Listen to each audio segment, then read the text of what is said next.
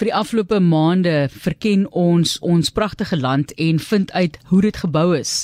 Die agtergrond daarvan, die ingenieurs, die spesifiek dan nou in hierdie geval siviele ingenieurs wat betrokke was in die geskiedenis en tans om ons land te bou. Dawie Botha gesels gewoonlik met ons en hy is 'n siviele ingenieur soos ek nou gesê het. Hy was onder andere vir 19 jaar die uitvoerende direkteur van die SA Instituut van Siviele Ingenieurswese en as ingenieur is hy tans mede-voorsitter van Proset Science Engineering Engineering and Technology, dis 'n onderafdeling van die Nasionale Wetenskap en Tegnologie Forum. En vandag kyk ons van paaie tot pyplyne. Ons is in KZN vir die spesifieke projekte Dawie en onder andere die N2 nasionale pad tussen Mtunzini en Impangeni oor die Mhlathuze vloedvlak en net daar is soveel tegniese aspekte reeds vasgevat in daai aankondiging van wat alles gedoen was of moes word wat oorkom is baie welkom aan jou Baie dankie Marlies. Ja, ek ek luister so na julle wat van die stof, jy het gesê die stof skiet ja. in die lug op, maar nou as die stof onder toe kom in die reën is dit modder hoor. En daardie modder wat in die Mhlathuzi vallei, daardie riviervlakte lê, is bekend as sekoe modder en hy's niemand se se maat nie. Dit is werklik 'n baie moeilike modder om in te werk om dit so te stel om te dink jy sit uh moet nou pad bo op hom bou uh dis 'n nagmerrie want hy hou aan sink onder jou. So wat hulle daar gedoen het uh, destyds toe die die N2 nou uh gebou word van Botunzini verby Empangeni, voorheen was dit roete 102 dwars deur die dorp. Um toe daardie pad nou gebou moes word as gevolg van toename in die verkeer. Is dit op die korter roete, maar die korter roete loop nou oor daardie uh, vloedvlakte. En uh, nou sit 'n mens uh, letterlik in fisies in die modder. Nou die die metode wat hulle daar gebruik het was om 'n groot duik of 'n wal te gooi of of aan te bring bo daardie riviervlakte op die roete van die pad. En dit is soos ons in in ingenieurswese sê bekend as preloading. Miskien is 'n goeie Afrikaans daarvoor voorbelading. En dit nou beteken as jy nou die wal daar gooi dan begin die die modder natuurlik nou 'n bietjie versak onder hierdie uh, wal wat jy gegooi het sodat as jy uiteindelik jou pad gaan bo bou uh, dan uh, kry jy daardie verskriklike versakkings nie. Dit is nou as gevolg van die druk natuurlik die die gewig die massa van die van hierdie grond bo op. Nou daardie daardie duik of walle daar vir 'n hele klomp jare gelê voordat dit werklik die uh, die pad gaan bou het. Nou nog 'n interessante ding daar is dat die uh, dit is nou reg deur die suikerrietplase in daai vallei gewees en natuurlik die suikerriet hou van die moddervlakte. En daai plase op daai vlakte is nou letterlik in twee gesny hulle moes 'n hele klomp klein duikweë daar bou onder deur hierdie wal sodat die boere hulle plaasimplemente onder deur in die boeriepad hoef te vervoer nie. Nou ek probeer nou dink as ek reg onthou moes hulle van hulle oorbou want soos by die wal gesak het het van hierdie duikweggies natuurlik ook nou onder toe gegaan. En dan staan hulle halflyk in die water. So ek vermoed hulle moes te daardie tyd ook van die duik duik wie wie of weggies moes hulle oorbou. Nou daardie metode is natuurlik nie 100% betroubaar nie uh, want modder bly maar net modder. Maar dit het werklik 'n groot verskil gemaak in die langtermyn reigerie van daai pad dat hy nou nie darm nou nie uh soos 'n rollercoaster onder jou hier versak en daar bly waar hy is nie. Nou die tweede wonderlike storie wat ek vir julle wil vertel is 'n bietjie verder stroom af in dieselfde rivier. Nou by die ontwerp van die ha hawe destyds is besluit om die rivier suid van sy oorspronklike loop te laat vloei see toe. Hulle het selfs 'n nuwe mond gebou uh, in die strand Uh so hy hy loop nie vandag waar hy oorspronklik geloop het nie. En dit was om te keer dat die modderwater uit daardie rivier natuurlik in die hawe beland en in die hawe wat gebagger is weer toesluk.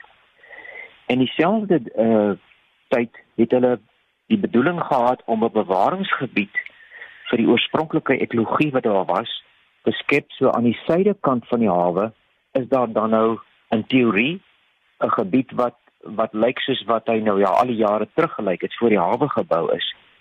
Nou daar is toe 'n wal of 'n dijk gebou en hy loop so rolweg wes-oos. En daar is toe nou vir die wal nog 'n verdere doel. Uh die steenkool uitvoerterminaal uh, is op die suidoostelike oewer van daardie strandmeer gebou. En dit beteken die die spoorlyne en die paaie moes ook oor hierdie moddervlakte gebou word. En net so terloops, uh ek was 'n paar keer self op daardie pad. Dit was ongelooflik hoe daardie duik versak het en hoeveel keer hulle moes oplig en die spoorlyne weer reguit maak uh omdat die die walle bly maar sak weg in die modder. Maar my tyd op Richards Bay het hulle ook die ou staalbruggie daar wat oor die oor die oorspronklike rivier is uh vervang met 'n pragtige nuwe betonboogbrug. Nou hierdie rivier brug se pilare moes natuurlik nou eers op gaan staan en op daai plek uh is die heipale toe uiteindelik so wat 60 meter lank en hulle hulle vestig natuurlik nou onder op die rotsbanke. En wat interessant was, die ouens het daar vertel dat die, waar mense normaalweg die heipale uh vir fondamente instamp. Miskien het julle al van die masjiene gesien of jy boorgate in die grond en dan vul jy met beton. Maar die modder was so sag dat hulle maar net hierdie betonpale moes vashou en dan sink hulle sommer so van self in die modder tot onder toe. Net so terloops daar nou ou seekoei op by die brug gebly, maar ja, sy moes ook eintlik maar die aftog plaas met al die aktiwiteite. En dan nog so ietsie oor daardie interessante see-uitvalpyplyne. Daar's op die oomblik 3 van hulle. Uh ons sal nou nou hoor hoekom 3. Nou die water wat nie hergebruik kan word in die papiermeele proses nie. Ek het verlede week ook bietjie gepraat oor die papiermeele, so baie kort kortliks. Daardie water moet ergens heen. En dan uit die Voskor fabriek kom daar gips as 'n afvalmateriaal en dit moet ook ergens heen gaan.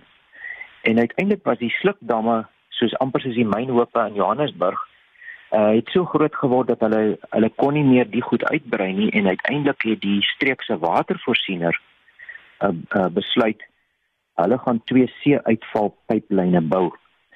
En terloops dan het Richards Bay ook nog gesit met sy riool uitvloeisel wat al hoe meer uh problematies geraak het. So in 1985 is is daar twee pyplyne gebou. Die een vervoer die dig digter gipsmengsel en die ander is die vuil water sal ek maar sê van Mondi of die die papiermeele af en dan van die stadsraad se kant af. Nou hierdie pyplyne is so tussen 4 en 5 km lank, elkeen van hulle. Pype is op land gemaak. Ehm um, en ons praat sommer van plastiekpype, maar die regte woord is natuurlik hoë digtheid polyetyleen. Dis twee die een pyp vir as ek reg onthou was so iets so sê nou maar so 600 mm in deursnee en die ander ene was heelwat groter hier in 'n omgewing van 1,5 meter of dalk selfs bietjie groter. Nou hier aan die aan die landkant natuurlik, uh het hulle die pype begrawe in in uh uitgrawingsslote om dit so te stel. Maar nou gaan jy see toe met hom en wat maak jy nou daar? Nou om hierdie pype dan stabiel te hou op die seebodem, het hulle beton driehoeke van so tussen 2 en 5 ton elk om die pype aangebring so bietjie so 'n kraag wat hulle uh om die om die pype gesit het. En dis ons elke meter of of 3 is daar so so 'n kraag op die pyp gesit. Toe hulle die eindpunte verseël en ek was die dag daar toe hulle met 'n klomp sleepbote hierdie drywende pyplyne uitgesleep het deur die hawe mond en waar dit uiteindelik vol water gemaak is en na die seebodem toe gesink is. Dit was 'n baie interessante ding natuurlik om te sien want uh So iets gebeur daarmee elke dag nie.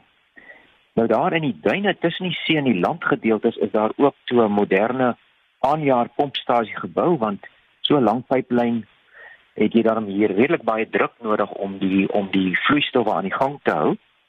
En daar by daardie aanjaar pompstasie is ook seewater bygevoeg om die mengsels verder te verdun voordat dan in die see uitgelaat word.